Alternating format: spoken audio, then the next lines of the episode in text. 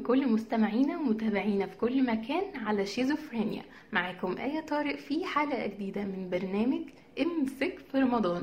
بكون معاكم كل يوم جمعة الساعة 12 ونص الظهر.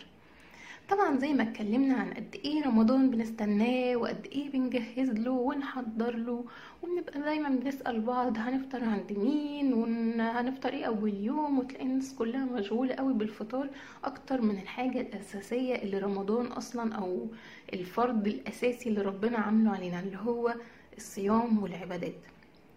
ربنا بيبقى عايزنا في شهر رمضان إن إحنا نسمو بعباداته أكتر إن إحنا نهتم بيها أكتر إن إحنا ما نبقاش ملهيين بالدنيا والزينة بتاعتها وملهيين ومشغولين وعلى طول معلقين الشماعات بتاعتنا على أي حاجة بنعملها فيها تقصير مننا. لأن الأيام بتاعت رمضان بتكون معدودة وقصيرة فهي ما تحتملش أي تقصير على الإطلاق. فمثلا تقول أنا نسيت أصلي نسيت فروض معينة مفروض أعملها نسيت أعمل صلة رحم آه، ما خدتش بالي إن أنا صليت ولا لأ ما عملتش السنن بتاعتي ما عملتش آه، ال- القرآن أو الجزء المفروض بقراه في اليوم. وكل ده بنعلق شماعة يا إما على إننا مشغولين ومفيش عندنا أي وقت أو بنعلق الشماعة على وجود شيطان وإن إحنا مش قاصدين نعمل كده. بس رمضان بيحطك بقى قدام نفسك كده وتبص لنفسك في المراية وتعرف طب يا سيدي أنا ما عنديش أهو أي شياطين بيتسلسلوا في الشهر أو الوقت بتاعي. وريني بقى أنت هتعمل إيه. فهنا أنت بتحط نفسك قدام نفسك وبتشوف إن التقصير جاي من عندك أنت. مفيش أي شماعات نعلق عليها. طيب نعمل إيه في رمضان بدل ما إحنا عمالين نجهز في حاجات الدنيا كده؟ نجهز بقى في الحاجات اللي هتنفعنا دنيا وآخرة إن شاء الله. وهي العبادات. ومن أهم العبادات الصلاة. الصلاة إحنا بنصلي عامة في اليوم خمس فروض. يا سلام بقى لو صليناهم بانتظام. ولازم دي تبقى محاولة للجهاد مع النفس كده إن هي إيه تصلي بانتظام على الأقل الخمس فروض دي.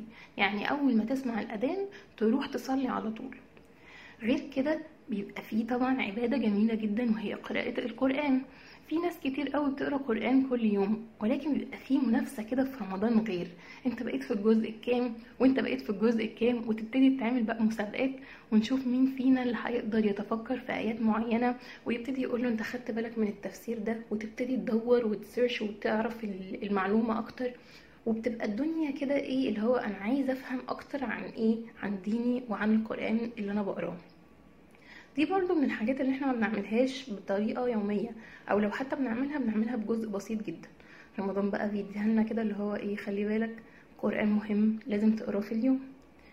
من ضمن العبادات برضو أو الحاجات كمان اللي بتميز رمضان هي صلة الرحم. زي ما اتكلمنا إن التجمعات قد إيه جميلة وقد إيه إن هي بتحسنا إن إحنا نحس برمضان وبفرحته هي برضو جزء منها كبير صلة رحم. وصلة الرحم دي من الحاجات المهمة جدا اللي ربنا أمرنا بيها. برضو من ضمن العبادات المهمة الجميلة اللي بتحسسنا برمضان صلاة التراويح. أول ما بنسمع إن خلاص رمضان هيجي في الرؤية وإن بكرة أو أول يوم رمضان لينا بننزل نصلي التراويح في نفس اليوم بتاع الرؤية. في ناس بتحب تصلي صلاة التراويح في البيت على أساس إنها تبقى خلوة مع ربنا. وفي ناس تانية بتجمع صحابها وجيرانها وبيبتدوا ينزلوا يصلوا مع بعض صلاة التراويح. دي ليها ثواب ودي ليها ثواب. الاتنين أجمل من بعض. بس الأهم هو الانتظام. لأن صلاة التراويح عددها كبير. كل ما كان الانتظام أحسن كل ما هتكون ال- الثواب بتاعها أكبر بكتير. في برضو من ضمن الحاجات الجميلة جدا هي صلاة التهجد اللي بتكون في آخر عشر أيام من من شهر رمضان. دي بتصلي إما برضو في المسجد أو بتصلي في البيت وبتبقى بعد الساعة 12 ودي منها بتسمو بعباداتك عشان تقدر تكمل بيها لآخر شهر رمضان وكمان السنة كلها. من ضمن الحاجات الجميلة جدا الصدقات. الصدقات مهمة جدا في شهر رمضان. لأن أنت مش بس أنت بتساعد نفسك إن أنت لما بتطلع صدقة بتحس إن أنت بتعمل حاجة ودور كويس في المجتمع إن أنت بتساعد غيرك. أنت لما بتساعد غيرك هو بيحس إن هو رمضان جاي عليك خير غير الأيام العادية.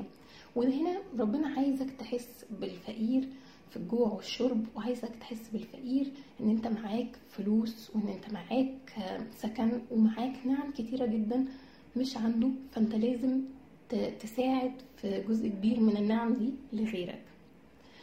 طبعا الأذكار والتسابيح وكل الحاجات دي من الحاجات المهمة جدا لازم تستغلها في رمضان لأن الثواب في رمضان مش زي أي ثواب عادي في أي يوم في أي سنة.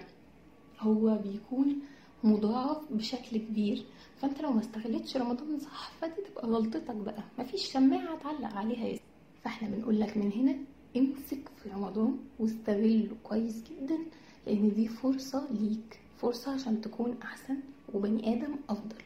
كانت معاكم آية طارق في امسك في رمضان. أشوفكم إن شاء الله الجمعة الجاية في نفس الميعاد.